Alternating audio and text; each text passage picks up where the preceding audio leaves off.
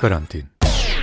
Moje ime je Jelena Fiser i u naredne dve epizode nastavljamo priču o nasilju nad ženama. Jelena Rajičević, koja u Podgorici vodi sigurnu žensku kuću, za radio karantin govori o široko rasprostranjenom nasilju nad ženama u Crnoj Gori i nasilnicima među onima koji bi žrtve trebalo da štite, od policije do tužilaštva, kao i o tome kako duboko patrijarhalno društvo i korupcija utiču na to da veoma mali broj žena u Crnoj Gori na kraju prijavljuje nasilnike.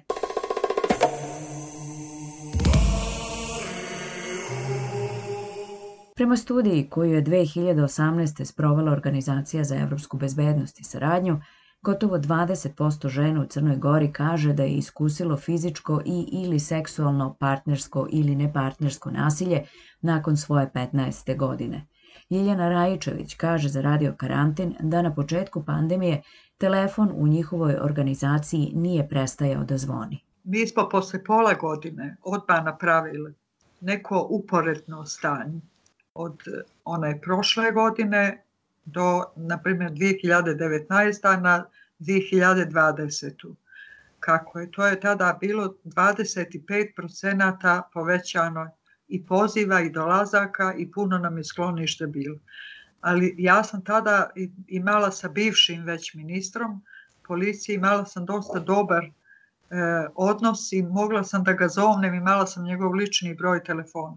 Mogla sam da ga zovnem i da, da mu kažem šta se dešava kući i šta je e, cilj nasilnika. Znači, e, država ih izoluje, izolovana je sad i od nasilnika i radi od nje što hoće.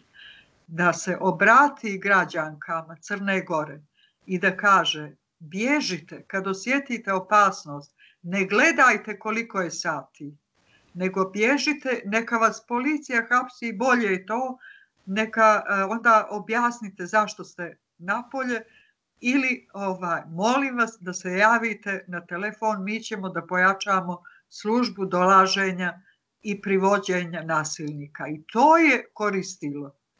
Da, on je to nekoliko puta na naše insistiranje uradio i to je doprlo do žena. I tada su počele žene da nam se javljaju i telefon nije prestajao da zvoni. Zvonio je u e, nekim neobičnim trenucima kad je on odsutan e, ili kad e, spava. Nama je najveći broj poziva bio u toku noći. Znači, e, sad je taj procenat još veći, zato što su se žene sad osnažile. Znaju da mi radimo 24 sata, znaju da još jednu kuću završavamo, znaju da nam je UNDP e, omogućio e, da uzimamo jedan apartman ako sad dolaze žene sa djecom, a mi nismo sigurni da li su one negativne ili jer ne smijemo da da riskiramo da nam dođe neko ko je pozitivan, jer je momentalno 18 e, e, osoba u skloništu i možete da zamislite da jedno dođe sa ulice bukvalno i da zarazi čitavo, ja ne znam što bi radili, morali bi da zatvorimo i da ovaj, pravimo neku drugu strategiju. Jer nam se desilo tako da nam e, se prenese od, sad već znamo otprilike ko nam je u kancelariju donio e, i da smo morali, svaka je od nas, znači osam nas je e, bolovalo i u isto vrijeme i morali smo da zatvorimo kancelariju. Ali smo od kuće radile i kako se koja oporavljala, tako je otvorena bila kancelarije. U najgore vrijeme kad je e, KBC, odnosno ovaj štab, pravio neku e, analizu da je tada u to vrijeme bio najveći broj žrtava porodičnog nasilja i najveći broj umrlih i zaraženih. Taj broj koji je kod nas dolazio se, e, i taj procenat od skoro 30% povećanja nasilja je nekako pratio brojku povećanja zaraženih i povećanja umrlih. Ne znam, ja ne znam kakva je to sad veza, to moramo da vidimo što je to. E, mi pretpostavljamo da je to e, ta brojka povezana sa dugim ostankom u izolaciji koja je bila normalna i ta E, bolest koja je podvukla i koja je odnijela puno života je e, bila skopčana sa tim da je e, žena najčešće bila ta koja je bila jako bolesna, ali je morala i da se diže i da obsluži sve one druge koji su u toku te pandemije počeli da se razboljevaju. Znači, ja sam tražila podatak da vidim koliko je od žena koji, koje su se nama javljale, koliko je njih otišlo u bolnicu i koliko ih je umrlo, ali taj podatak niko neće da da, možda ga i nemaju, možda, možda nisu, e, nije im to za neka, neko interesovanje, ali sam vidjela da sad ima kompletne porodice koje su u izolaciji i da djeca obolijevaju i da su sad one, os, one porodice koje su inače imale porodično nasilje u dvostrukoj bijedi. Prvo, jako puno e, prodavnica i ne znam, sad su već i tržni centri zatvoreni, ljudi ne primaju platu, ostali su bez novca, a novac i nasilje to vam je jednako. Jer ako nemate novca, ako nemate za ljekove, ako nemate za hranu, ako nemate posao, vi ćete izaći i onako bolesni i, i zaraženi i e, be, to, to je jedan zatvoreni krug i naravno tako bolesni, nezadovoljni i e, depresivni pribjegavate tuči, psovkama, izolaciji, i svim vrstama nasilja. Nešto što, što smo primijetili, a što je e, dosta zabrinjavajuće, je porast cyber kriminala. Znači, sjediš kući, na, su, na kompjuteru su e, razne mogućnosti upoznavanja, jer ne možeš da izađeš, e, prave se tamo neke grupe, prave se žurke preko e, kompjutera, to su neke zatvorene grupe I tu e, dolazi do e, slikanja, do upoznavanja, do ljubavnih nekakvih e, veza koje su vrlo opasne jer ima udatih žena koje su u nekoj vezi koja nije nije njima nije, nisu zadovoljne.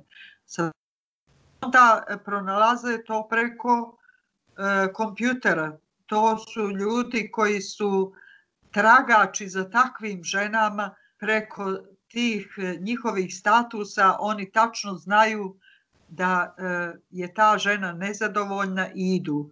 To su ljudi koji su specijalizovani on, za ucjene od žena koje su uobičajeno je u 90% slučajeva žrtve porodičnog nasilja koje uveče ne mogu da spavaju i ostvaruju neke veze koje ih kasnije dosta koštaju.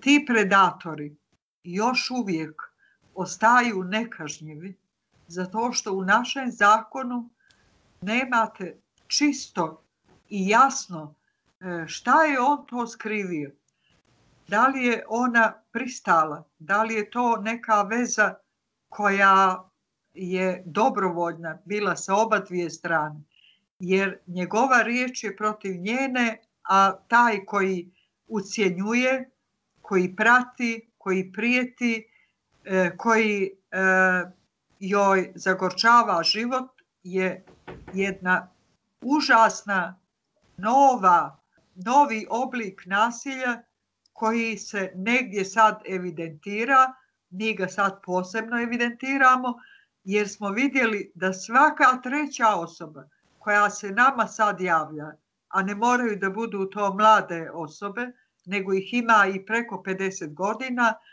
trpi neki oblik nasilja do toga da već prati izvan ekrana, da se oni već sastaju i da ima sad već osoba koje su dale 1000 eura zbog ucjene i onoga što je ona u jednom trenutku slabosti uradila, a to je slikala je svoje intimne dijelove tijela i te slike on negdje ili distribuira ili joj prijeti, a imate ovaj, sad jedan, jednu novu pojavu koju smo otkrili slučajno jer imamo taj online savjetovanje e, sa, sa takvim osobama kao što se sinoć na našoj e, stranici Sigurna ženska kuća javila žena koja kaže kome da se obratim imam e, seksualno nasilje preko interneta. Tu treba naravno e, jedna, jedan razgovor koji ako ona neće preko Skype-a ili preko Zoom aplikacija ili na telefon može i to dopisivanje, premda mi najviše volimo da nam dođe u kancelariju, jer tada e, rade tri osobe sa njom. Znači jedna koja je ispituje i traži odma e, hmm. sastanak sa policijskim inspektorom, druga je psihološkinja, a treća je osoba koja e, joj daje podršku i ide sa njom u policijsku stanicu da e, ili kod sudije ako je već krenuo proces e, kao podrška. To, to smo uzeli e, nekako kao najpovoljnije što nam se nudilo od vlade jer naša sigurna ženska kuća ima certifikat i ima licencu i mi nismo obična ono da kažem nevladina organizacija nego smo kao partner ostalim ustanovama koje nešto slično rade i e, partneri koji jednostavno rade posao kao neka ustanova. Rekli ste da se dosta žena a, javlja za pomoć zajedno sa decom. Koji je to otprilike procenat, koje su to brojke žena koje dolaze i traže pomoć konkretnu zajedno sa, sa decom? Evo, reći ću vam sad, e, jedna od e, tih žena je E, veoma interesantan slučaj, došla je iz e, Arapskih Emirata, e, gdje je trpjela dugo godina nasilje, otišla je tamo sa mužem koji je dobio neki posao i dobila djevojčicu, ali je bio izrazito naš je čovjek inače i e, izrazito agresivan. On je primorao nju da stavi onaj, onu maramu i da da se obuče kako su se i obukovale tamo te žene. E, imaju djevojčicu od 12-13 godina koja je izuzetno pametna, ali je e, u jednom trenutku ona iskoristila nepažnju njegovu, pobjegla iz kuće i e, otišla u našu ambasadu i tako je došla do nas. Ispričala nam je da je tamo još gora situacija i da E, ima dosta naših osoba koje ne znaju kome da se jave. Imamo iz svih krajeva Crne Gore i taj procenat od prošle godine do od, od prošlog marta do ovog marta je više od 30 procenata osoba koje dolaze u sklonište, a imaju jedno, dvoje, troje, četvoro, petoro, bila jedna žena sa šestoro djece ta od marta mjeseca do e, ovog e, sad polovine marta gdje je bila e, neka zadnja naša intervencija na onim upitnicima, vidjeli smo da je preko hiljadu osoba se javilo, a da je oko 400 osoba boravilo u skloništu.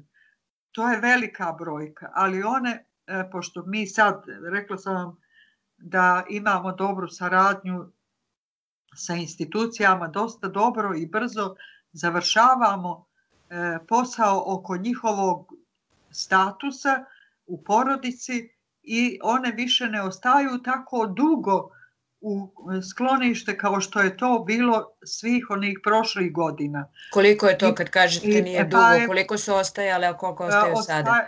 Žene sa vambračnom djecom, cure, obično, ovaj, a bilo ih je dosta, ostajali su po godinu ili godinu i po dana. Nismo mogli da ih pustimo dok ne nađu posao, dok ne počne dijete u vrtić i one su najduže ostajali. A i nekako se vežete za to dijete koje vam se rodi u sklonište praktično ili ne znam, e, ja pođem u bolnicu za to dijete i vi ga prihvatite kao svoje, razumijete? I onda smo ih e, E, baš držali dosta dugo da bi se e, i sve te finansijske strane i sve te e, državne novce koje je ona morala da dobija nekako nekako dosta to sporo ide kod nas nije baš dobro regulisano i onda smo to u stvari požurivali.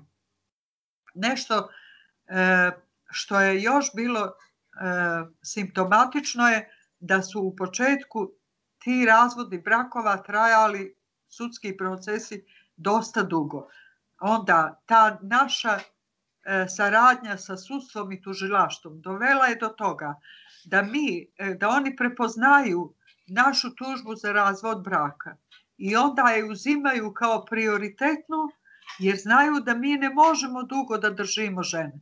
Ne možemo da ih držimo sad one koje su u toku razvoda braka više od pola godine. One potpisuju sa nama ugovor i e, onda mi kažemo tada sudi ili tužiocu o kakvim slučajevima se radi i oni onda to požuruju.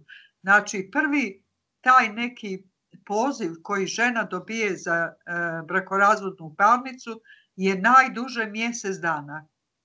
To je e, prije bilo i po pola godine, nekad i godinu dana, nekad žena nikad ne, ne dobije neki poziv zato što e, da adresu e, koja e, je i zajednička, pa on dobije taj poziv i razbuca ga, ona i ne zna. Umeđu vremenu se nešto između njih podešava i tako da je jako puno bilo slučajeva gdje e, žene nisu uopšte e, dolazile na sud, niti završavali to. Sad ima jako puno posla a naša administracija oko alimentacije.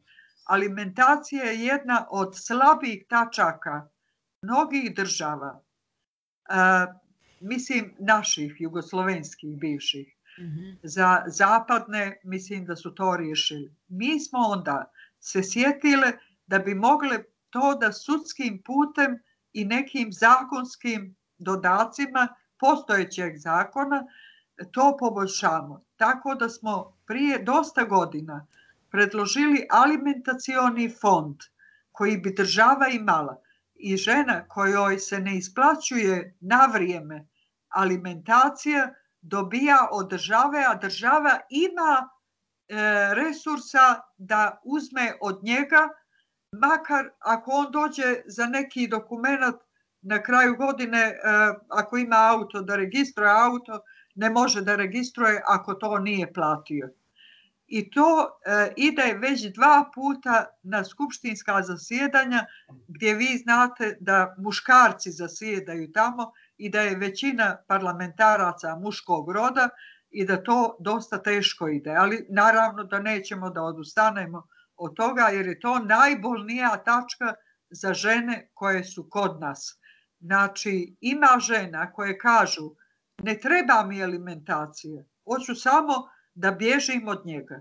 Ali ima još jedna dosta e, opasna za nju situacija je i kad se razvede. On nju ne ostavlja na mir. On je prati, on je ucenjuje, on je progoni. I tu smo uspjele da napravimo e, sa državom pet zaštitnih mjera.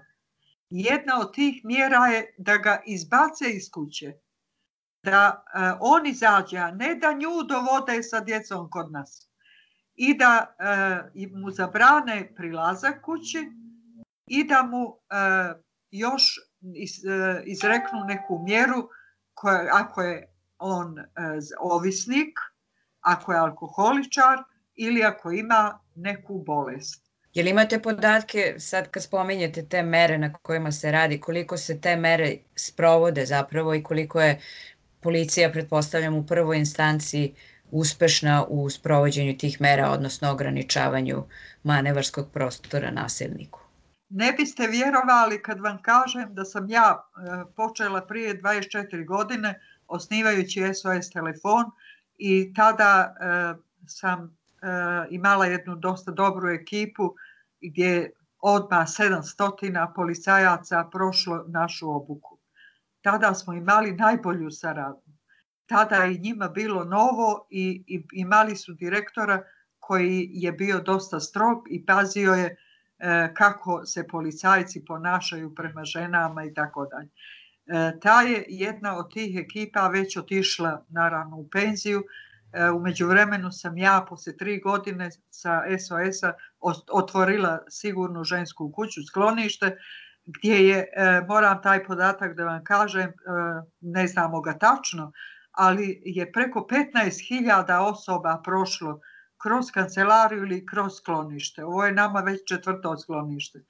I ta prva karika pomaganja u lancu tih pomagača je policija koja bi trebala da kad izađe na teren da procijeni, odma da procijeni na licu mjesta je li to čovjek koji je nasilnik, koji treba da izađe iz kuće ili će uh, ona koja je žrtva tog nasilja da bude dovedena u sklonište sa svom djecom koju ima ili će sama da bježi vjerujte da je e, već to šest ili sedam godina proteklo, da mi imamo najmanji procenat izbacivanja iz kuće nasilnika, jer svaka treća rečenica kod policajca koji dođe na licu mjesta je gdje ću ja sa njim kukavcem.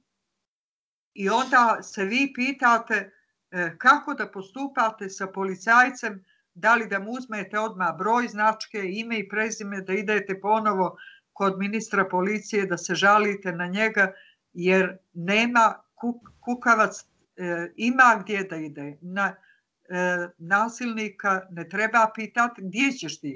On e, po tom pravilniku, on ima pravo da uzme samo lična dokumenta i jednu kesu sa robom, presfleku, četkicu za zube, pasoš, ličnu kartu i ne znam, možda piđamu da mu daju. A za kasnije da se vidi sa ženom e, što će ona da uradi. Najmanje takvih intervencija je bilo u tom pravcu. Onda e, oko alimentacije, to je isto krivično djelo, jer vi mora, e, sa, naravno naročito ako imate na sudu papir koliko je on dužan da alimentaciju isplaćuje i ako je saldo nula ili ako je saldo neki, neki mali procenat od tog novca koji je njemu određen, onda on e, mora da odgovara za to, zato što u našem zakonu je on odgovoran roditelj koji mora da izdržava svoje dijete. I tu je najmanji procenat. I tu e, to je već jedna velika greška žena koje od e, straha da, da će joj se desiti proganjanje, pljuvanje, psovanje, prebijanje i posle e, razvoda i e, još nešto što je najstrašnije ucijene koje on u toku njen bračnog života sa njom, sad e, imam taj, takav slučaj pa sam se sjetila, zajedno su radili neke poslove koje ja pretpostavljam da su možda na ivici nečega, jer čim je on ucjenjuje sa tim, znam ja e, što mo, mogu da kažem policiji da bi te odvelo u zatvor, a ne njena e, dijagnoza i ovaj e, list papira iz KBC-a gdje ima e, slomljen nos, e, slomljen, slomljenu jednu jabučicu, dva e, rebra slomljena, i e, natuknuće na kuk ili tako nešto. Znači, te stvari e, koje ne, negdje ženu na neki mm. način obavezuje da prati svoj slučaj, a to je, na primjer, ako joj je sudija odredio da ne smije on da joj priđe na 100 ili 150 metara, a ona ne prijavi to, on i dalje vrši nasilje nad njom ili samo je prati ili dolazi do njenog radnog mjesta pa joj prijeti, pa prijeti nje, njegovom šefu, njenom šefu ili njenim drugaricama ili braću ili sestrama ili sad smo imali jedan slučaj gdje na primjer on ispred kuće dežura nju i onda sjedi na njeno auto i ključevima od njegovog auta joj je nagrdio njeno auto. I onda je ona naravno to prijavila policiji, on joj, oni joj traže dokaz da je on to uradio. A e, ona dokaza nema jer tu onda joj preporučuju da stavi kameru od, gdje će ona da stavi kameru. I... Bio je izveštaj OEPS-a iz 2019. godine za Srbiju do duše, ovaj, u kome kaže da negde četvrtina ispitanica um, lično poznaje neku um, osobu iz porodice ili kruga prijatelja koja je bila izložena nasilju nad ženama i da recimo nakon najtežeg fizičkog ili seksualnog nasilja samo 3% žrtava kontaktira žensku sigurnu kuću, a 1% organizaciju za podršku žrtvama. E sad tu se navodi da su recimo sramota, ekonomska zavisnost, strah od osvete i nepoverenje u službe a, te javne, da su to neke od glavnih razloga za, za to da se a, ti slučajevi ne prijavljuju. Takođe i nedostatak a, adekvatnih službi za pružanje pomoći ženama. Vi ste spomenuli recimo da a, policija nije dovoljno obučena da, da ovaj, ne reaguju adekvatno, recimo u tim nekim prvim situacijama kada treba da odrede tu neku prvu meru. Sad, a, Crna Gora je mala zemlja, tu ono što se kažu svi sve znaju, svi se znaju. Koliko ima tog a, elementa takođe u tome da a, recimo poli, policajac ne privede nasilnika zato što je komšija kum, drugar s futbala, a, kolega, bivši klijent, budući klijent, koliko ima tog? na primer, pogotovo u tim manjim mjestima na sjeveru Crne Gore, Plav, Rožaje, Bijelo polje. Imate porodicu koja je ugledna i koja ima svoje gradonačelnika. Iz te porodice imate direktora policije ili šefa policije ili glavnog inspektora, imate i sudije i imate ženu iz te porodice sa tim prezimenom, da sad ne govorim koje je to prezime, i koja e, se nama krijući javlja i kaže ja samo da vam kažem ne znam hoću li e, preživjeti e, noć, jer je sinoć bila katastrofa i danas će vjerovatno biti, ali kome ja da se javim? Da se ja javim policajcu koji je e, njegov rođak, da se javi, da idem, jer joj mi kažemo preskoči policajca, idi direktno tužiocu. Pa tužioc je njegov brat e, od strica. Ili ovaj, onda mi preuzimamo onda mi zovemo. Najčešće ja zovem zato što oni poznaju me. Eto, ja dugo godina radim i nije mi muka da upalim auto i da pođem tamo i da sa njima razgovaram i pojedinačno o nekom slučaju. Tako da je bilo e, jako puno slučajeva da ja pođem da razgovaram sa policajcem da, ili sa centrom za socijalni rad i da u isto vrijeme sačekam ženu na nekom ćošku i da je, da joj ponudim prevoz i da je dovedem u sklonište. Jer e, najveći šamar za njih je kad se čuje da je otišla u sklonište. To je još uvijek kod crnogoraca e, dosta teška kazna, teža, na primjer, nego da su njega uhapsili zato što je to kod nas normalno da toljagom E, pretuče ženu i da e, on bude taj neki junak zato što je ona nije nešto poslušala ili nije bila dobra. I to je e, još jedna stvar koja se nama dešava i to zadnjih godinu dana, da su policajci postali drski prema ženama. Nama se to prije nije tako u, toj tolikoj brojci. Jeste u tim manjim mjestima ili, na primjer, a, ako imate, Titograd je veliki grad i imate tamo jedan dio u kojem su e, Romi, to je e, jedno naselje koje se zove Konik i gdje ima e, najveći dio stanovništva je romske populacije. I to je kao jedan dio grada u koji niti oni izlaze u grad, niti mi idemo tamo. Kao geto. I tamo se radi on, oni tamo rade što im je milo. Tamo čak neće ni policija negdje u večernjim časovima da dođe. I zato ako nam se žene jave iz tog dijela grada, e, mi znamo onda da ne treba da ide u policijsku stanicu koja je tamo, nego da treba da dođe u e, glavnu policijsku stanicu da se nama javi. Jer imate policajaca koji kažu opet si došla jer se njoj ponavlja sto puta nasilje nad njom koje je evidentno da ona ne može, gdje će ona? Bez posla. Dakle, bez... kažete da policajac nastupa s tim stavom otprilike da je žrtva kriva za ono što je se dešava. Šta si, ne, opet, šta ima, si opet uradila da, da te muž prebije?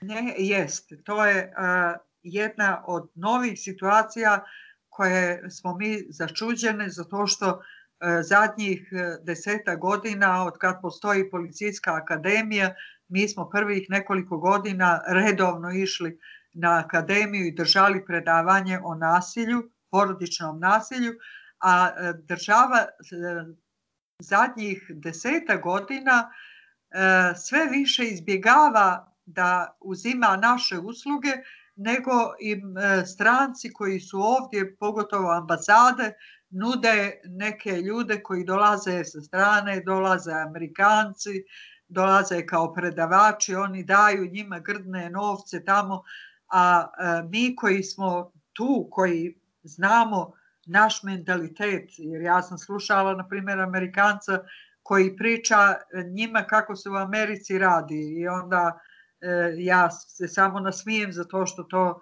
dva zakona, dva postupanja nemaju nikakve veze. I sad, i e, posle toga, jer ja tražim da prisustujem takvim kao meni treba isto tako neka edukacija i onda e, smo se dogovorili da uzmu, na primjer, kao primjer to neko postupanje kad zovne na 122 žena to je besplatan telefon, da se moraju javiti, a ne da sto puta zvoni, a da se ta, na telefon ne javi niko. Jer onda žena već gubi povjerenje što je ovo. E, vi e, govorite stalno, zovite 122, oni se ne javljaju. Onda, ako nas zovu, onda je to bolja varijanta. Zato što mi uvijek imamo po dva ili tri telefona i ako zove na jedan telefon, mi sa drugog telefona zovemo e, policijsku stanicu i ako je ona ugrožena, onda e, sa njom pričamo na e, preko interfona i onda nam ona kaže koja je adresa, jer ja znam da je pitam što policajcima treba kao obaveštenje. I tako smo dosta žena spasile od e, još težeg nasilja u koje je ona upadala i e, davali, na primjer, primjer ženama, e, odnosno ljudima koji su u blizini i slušaju krike žene ili djece, a neće da se jave. Zato što policija, iako mi govorimo, to je anonimno, zovite, spasite nečiji život, spasite neko dijete da ne dobije batine od kojih će da, da dobija depresiju u najmanju ruku. E, međutim, vidjeli smo da nam žene kažu, traže ime i prezime i adresu i ko ste vi i izađite ispred zgrade i morate nam pokazati gdje, gdje su ta vrata i tako dalje. I znači svaka e, ta informacija od žena koje nam se javljaju nama koristi jer onda mi automatski E, reagujemo i to odmah reagujemo prema ministru, ni manje ni više, nego ministru. E sad imamo e, dosta dobru situaciju. Novi ministar policije je iz nevladinog sektora. I znamo sad da će ovaj, taj gospodin Sekulović koji je novi ministar policije e, imat, već imamo dobru saradnju sa njim i da e, možemo da očekujemo E, neko poboljšanje u smislu da će početi da kažnjava policajca koji je nasilnik u svojoj porodici i gdje mi imamo sad momentalno ženu čiji je muž policajac, ali ona neće da ga prijavi. Zato što se boji. Možda se sa pravom boji. Ministar ne može sve da kontroliše, ali može, može da kontroliše ako mi imamo podatke da je šef tog policajca odbio ženu koja se žalila na svojega muža. Odbio da je primi. Ili ako je primio, e, nju je saslušao, ona je otišla kući, njega je zvao i rekao mu, znaš ko je bio danas kod mene? Tvoja žena. Žalila se na tvoje ponašanje. I na tome se, nemoj više to da radiš. I na tome se završava. On se vraća kući i prebijaj. I ona u tom trenutku, eto tako je došla kod nas. Jer je mislila da će da je ubije. Znači, mi smo tada morali da zovemo ministra. Kako ga je on kaznio, mi ne znamo. Jer nemamo povratnu informaciju.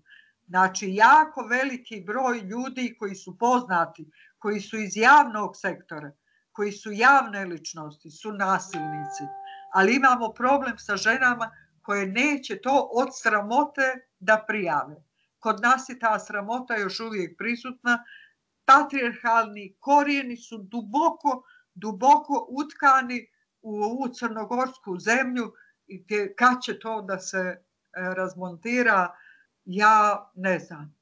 Možda za 20 godina.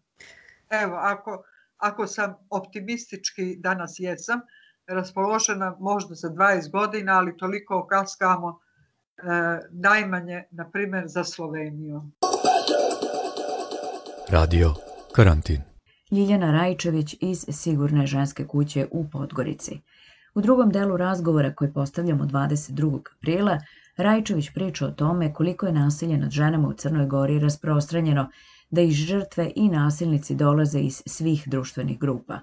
Ona govori i o prvoj sigurnoj kući u jugoistočnoj Evropi koju je njena organizacija pokrenula za zaštitu žrtava trafikinga.